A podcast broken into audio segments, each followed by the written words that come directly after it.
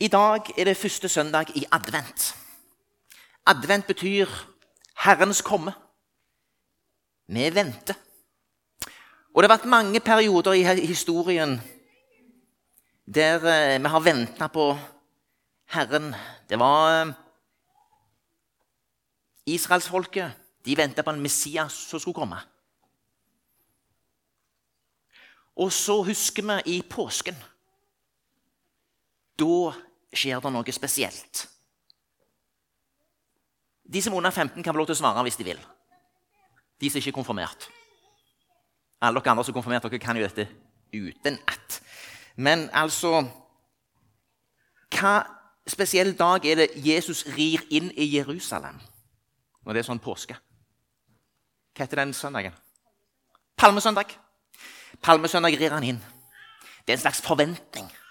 Jesus rir inn i Jerusalem. Og de roper 'Hosianna', Davids sønn. Og så er det faktisk en tekst fra denne dagen vi skal se på i dag. Oi, nå har jeg jo satt opp den der. Dere ser jo ikke teksten der hvis den kommer opp.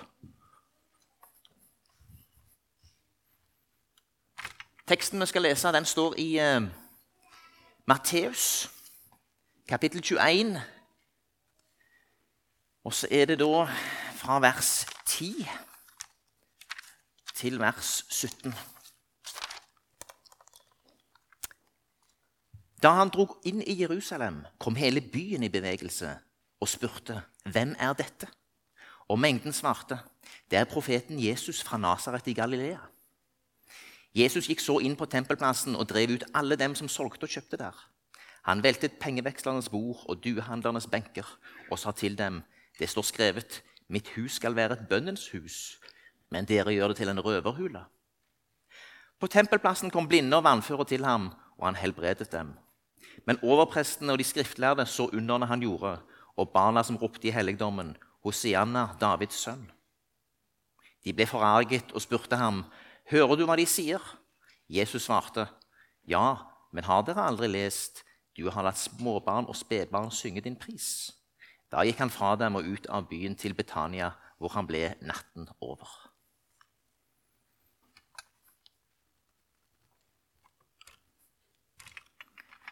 Det som skjer her, det er noe som i Bibelen gjerne kaller for, eller i kristne sammenhenger gjerne kaller for profetisk. Det Jesus gjør her. Han går inn på tempelplassen, så rydder han opp. Og så er det jo sånn det er ikke tilfeldig at Jesus går inn til tempelet. For han er det nye tempelet. Det er sånn at han har sagt at eh, Han skulle vise dem et tegn. Og det tegnet var sånn som dette. Riv ned dette tempelet, og jeg skal reise det opp på tre dager kan vi lese i eh, Johannes kapittel 2, vers 19. Dette forsto de ikke den gang. Men Jesus kom inn på tempelplassen, og så er det som han nærmest tar over scenen. Og så begynner han å rydde. Så det Jesus gjør, det første han gjør når han kommer inn, det er at han rydder. Og sånn så kan man si, Det Jesus kommer for, og det vi venter på Nå venter vi på Jesusbarnet og feiringa at Jesus kom til jord. Men han kommer for å gjøre en bestemt jobb, et bestemt oppdrag. Han kommer først for å rydde opp i det som hadde gått galt mellom Gud og mennesker. Gud, står det i Bibelen, han sørga over menneskene. Det står sågar at han var bedrøvet og angra nærmest at han hadde skapt menneskene. Han var full av sorg i sitt hjerte. Og så står det noe om Noah, som fant nåde for Herrens øyne.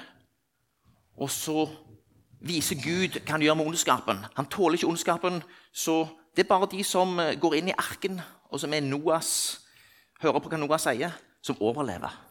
Dette er et tidlig tegn om at Gud tar et oppgjør med det onde. Noah peker framover mot Jesus, og nå har han kommet. Hele adventstida er en forventningstid. Vi venter på at Herren kommer. Vi venter på at han skal komme til jord, at vi skal feire han i juledagene. Men denne første søndagen i advent viser oss på en spesiell måte det store oppdraget han kommer for. Han skal rydde opp. Han skal ta vekk det som stenger mellom Gud og mennesker. Noen av dere har sett denne tegningen før. Den er nokså kjent. Nå skal jeg tegne den her. Vi kan se for oss at det er en avgrunn mellom Gud og oss. Gud på ene sida, menneskene på andre. Så kommer Jesus Kristus, og så lager han en vei. Ja, det ser ut som å gå over der, da. Men det er et kors. Og det korset, det er det som knytter Gud og mennesker sammen. Han kommer for å rydde opp. Han kommer for å være selve opprydningsaksjonen. Selve det som bidrar til at uh, det kommer i orden, dette mellom Gud og mennesker. Så er det sånn, da Gud,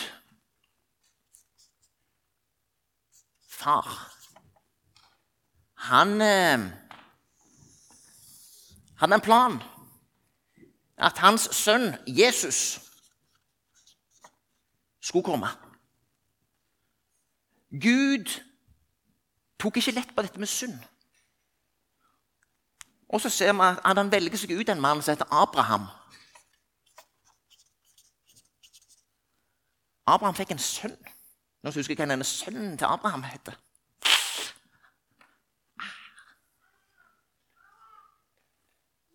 Isak heter han. Veldig bra. Det veldig spesielle er jo at det, det er et under som skjer. Abraham er 100 år. Kona hans er 90. Er det noen av dere som har hørt om en mann på 100 og en dame som på 90 som fikk en unge? Det er nok bare Abraham og eh, Sara det har skjedd med. Det var et stort under. Men så skjer det noe, noe som er veldig vanskelig for oss å forstå. Gud sier til Abraham du, nå skal du ta sønnen din med opp på et berg. Og så skal du, akkurat som om det ble ofra et lam, så skal du ofre ham til Herren. Dette er veldig spesielt. Dette er utrolig spesielt, og det er en sånn historie som vi sliter med. For det er så brutalt. Så går de på tur da, opp gjennom dette fjellet. Så sier Isak til Abraham, 'Du far?' 'Ja, gutten min.' 'Se, her er ilden og veden, men hvor er lammet som vi skal ofre?' Abraham svarte, Gud vil nok selv se seg ut et offerlam, gutten min. Og så gikk de videre sammen, de to. Dette er en hjerteskjærende fortelling om en, en fortelling om en far som er på vei til et offersted med sønnen sin. Og Vi syns denne historien er en av de vanskeligste i Bibelen. Kanskje særlig å fortelle om unger. Dette er jo så brutalt. Men jeg tror dette er et hint fra Gud. For det som skjer, er at Abraham slipper å ofre sin sønn. Han ser Abraham sin tro, og derfor er Abraham et forbilde for oss i tro. Men så er det et lite hint i dette. Den smerten som vi kjenner på bare med å høre om denne fortellingen om en sønn som skal ofre sin far, den smerten er det Gud kjenner på når han ofrer sin sønn Jesus Kristus. Den smerten vi slapp, den har Gud far tatt på seg ved å ofre sin sønn Jesus. Det var et helt nødvendig offer, en helt nødvendig opprydning mellom Gud og mennesker. Gud er hellig. Han tåler ikke menneskene etter syndefallet. Han kan ikke komme nær dem. Han sender sin sønn Jesus Kristus som et nødvendig offer.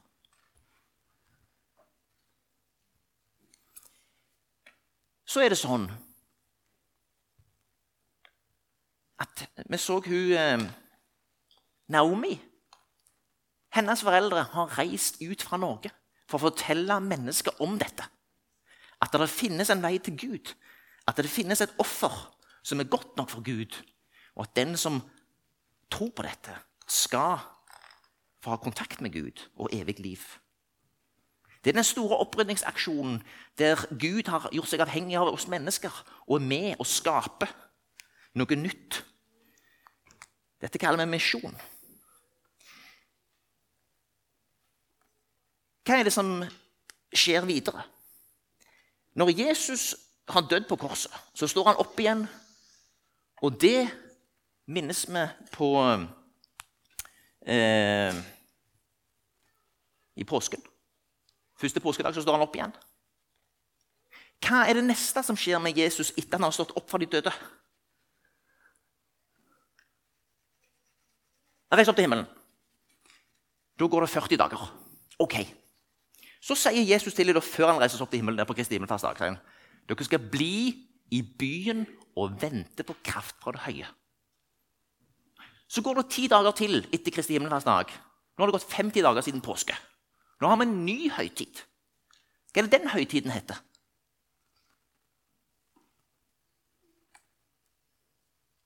Den heter pinse. Og pinsen, i pinsen da er det fest i Jerusalem. Det er en eh, fest for um, innhøsting av den første, ja, den første innhøsting. Og dette bruker Gud. For på festen for den første innhøstning så sender Gud Den hellige ånd til disiplene som har venta i byen på kraft fra det høye. Og det som skjer nå, forvandler de. Nå ser de klart hvorfor Jesus kom. Nå ser de tydelig hva som har skjedd. For nå har de fått Den hellige ånd. Og nå har det skjedd en forvandling hos dem. En virkelig forvandling. For nå har de altså fått øynene opp for dette. Gud har ved sin ånd, sin hellige ånd, vist dem klart og tydelig. Wow! Nå skal vi gå og fortelle dette til andre.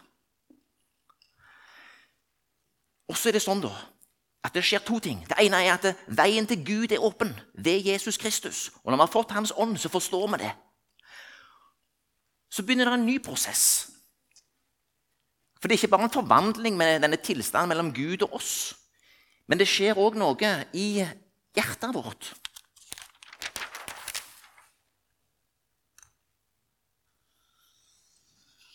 Og Det skal vi snakke om, litt om etterpå. Men før vi snakker mer om det, så tror jeg kanskje vi skal synge en sang om hjertet.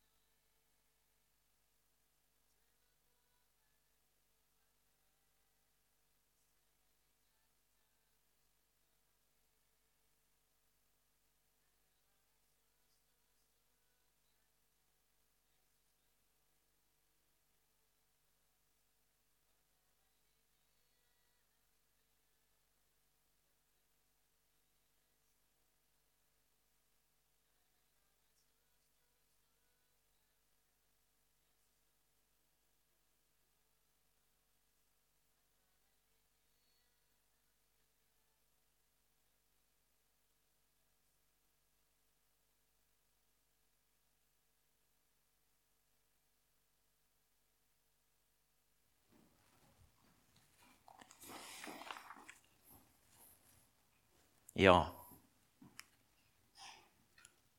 Det er jo kanskje noe i den sangen som kan misforstås litt. For vi snakker om muskler, så vokser jo de om vi trener litt. Og så står det her Se på min hjertemuskel, den vokser om jeg trener litt. Det kan jo av og til få oss til at vi bare helt i egen kraft kan trene opp hjertet vårt. Men det kan vi ikke. Fordi Jesus var veldig, veldig, veldig tydelig med disiplene sine. Uten meg kan dere ikke gjøre noe. Og vent i byen på kraft fra det høye. Det er viktig at det ikke blir vårt eget verk.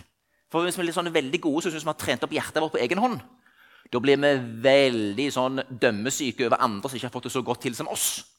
Da syns vi, vi, ofte at 'herlighet, de må skjerpe seg'. Men hvis det er Gud som har fått gjort det ved sin ånd, så er det slik at da er vi ydmyke, og så vet vi at det er Gud som har gjort det ved sin ånd, og ikke oss. Og da fungerer det mye bedre og varer mye lenger. Nå skal vi se på noen tekster fra Det gamle testamentet som snakker noe om hva Gud ville gjøre. De står i Esekiel.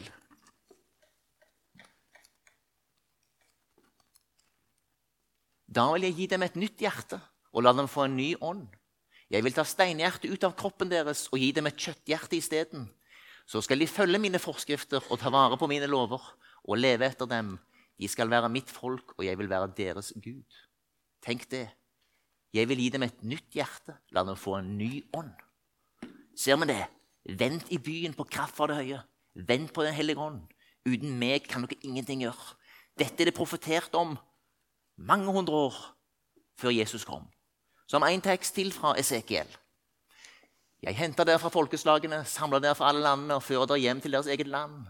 Jeg stenker rent vann på dere. Et lite hint om dåpen dere, så dere blir rene. For all urenhet som skyldes de mange avgudene, vil jeg rense dere. Jeg vil gi dere et nytt hjerte og la dere få en ny ånd inni dere. Jeg vil ta steinhjertet ut av kroppen deres og gi dere et kjøtthjerte isteden. Jeg lar dere få min ånd inni dere og gjør det slik at dere følger mine forskrifter, tar vare på mine lover, så dere lever etter dem. Tenk dette. Dette er den andre opprydningsaksjonen. Det har blitt åpna en vei til Jesus. Det åpna en vei til Gud gjennom Jesus. Og så får vi Den hellige ånd. Og så åpnes det for en forvandlingsprosess, en opprydningsprosess, inni oss. Som ikke er fordi at du og meg trener hardt på egen hånd, men at vi åpner oss for Guds ånd og det han gjør med oss. En av treningsmetodene er faktisk å gjøre det dere har gjort her i dag. Som Sakkeus. Han klatra opp i et tre hvor han visste Jesus måtte komme forbi. Nå har dere klatra opp i et sånt tre satt dere på en stol eller kommet i Salem og håper at Jesus kommer forbi. Det å samles i fellesskapet til undervisning, bibellesing, bønn i sammen, det er en viktig ting. Ha en liten gruppe er en god ting. Være del av et mindre fellesskap, enten det er i søndagsskolen eller i bibelgruppa eller hva det måtte være. Sånn er det at eh, den opprydningsprosessen i vårt hjerte skjer. Vi skal snakke litt mer om hjertet.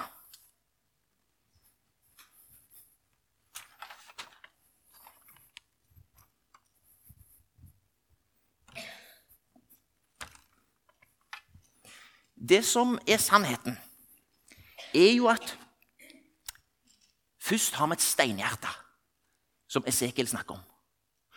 Og så får vi Den hellige ånd når vi tror på Jesus, når vi er blitt døypt og får vokse opp i tro til ham. Men hjertet vårt er fremdeles delt. Vi har en del som la oss si, er vonde tanker og det sant menneskelige. Du er fremdeles på jorda. Du har ikke blitt totalt forvandla. Men det har kommet et nytt liv. For uh, Den hellige ånd bor i deg. Og han vil ta stadig større plass i deg. Og da er det sånn som jeg sa i denne sangen Trening i den sammenheng, det er ja, det er å være i fellesskapet, det er å være i bønnen, det er å være i Bibelen. Og det er å la seg lede av Gud ved Den hellige ånd. Og så la dette få større plass. Så er det sånn Her har du flere muligheter. Du, eh, kan velge å si at ja, jeg bekjenner dette med Jesus og tror jeg er kristen. Men så er det noen valg vi tar underveis òg. Det er hvor stort, stort dette hjertet skal bli i forhold til hva du velger å bruke livet ditt på. Og jeg eh, vil oppfordre dere alle til å eh, trene på den måten at dere søker Gud i fellesskapet. Bønnen og Bibelen. Dette går på flere nivåer. De gode vanene som du har sjøl. At du ber litt. Og selv om du er liten, så skal du be og lese i Bibelen helt på egen hånd. Hvis familien kan ha noen vaner der han av og til òg ber sammen og leser i Bibelen, så er det en fin ting. Og så er det gode vaner med å komme i de store fellesskapet. Så Disse gode vanene hjelper oss til at denne delen av eh, hjertet får vokse. Det er jo sånn, det står mye om dette i Bibelen. Hjertet vårt er urolig, og det lengter etter Gud. Og det er jo sånn at eh,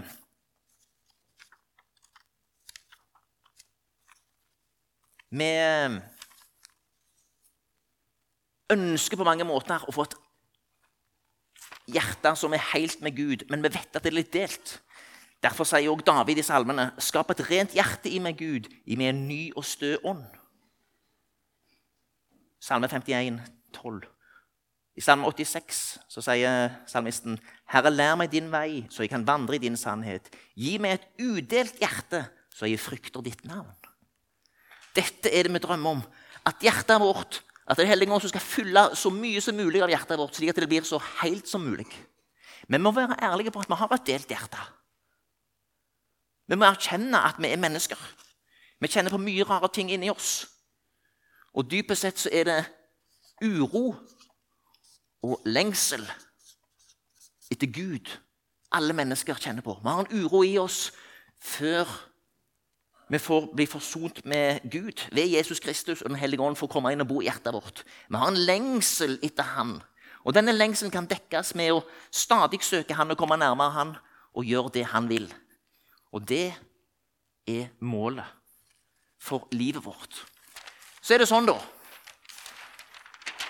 at det derfor er litt viktig å forstå dette med Gud, Far som vi står ansvarlig overfor, Gud, Jesus Guds sønn, som har frelst oss og forsont oss med Gud. Og Gud, Den hellige ånd, som gir oss et liv, en vandring sammen med Han. Der treningen er det å vandre sammen med Han. Det står tidlig i Bibelen om Enok som vandret med Gud. Den vandringen ønsker vi i Salem å hjelpe deg og dere med, både som enkeltmennesker og som familie. Og så er det sånn at vi har et mål om at vi skal kjenne den ene sanne Gud og det spesielle er at han er både Gud far, Guds sønn og Gud den hellige ånd. Og Det er en fin ting, og jeg håper vi kan eh, hjelpe hverandre i å utvikle et stort, stort hjerte, der vi får leve for Herren alle våre dager, og der det blir mindre og mindre delt. Så vet vi at vanskelige ting skjer. Vi vet at vi ikke er perfekte. Selv de som er 70 og som har levd med Jesus hele livet, vet at de har delt hjerte. Vi trenger stadig å komme tilbake til Jesus. Den hellige ånd, samvittigheten vår, jobber med samvittigheten vår. Vi kommer tilbake, vi finner et nådeord om Jesus. Vi snakker med noen, vi søker tilbake til Han, slik at vi på ny kan få en stø ånd og vandre videre i vårt liv på vei fram mot endelige mål, som er å være sammen med Gud til evig tid. Vi ber litt sammen til slutt. Herre, jeg ber om at du skaper i den enkelte av oss en ny og stø ånd. Herre, takk for at du har rydda opp. Du har rydda en vei.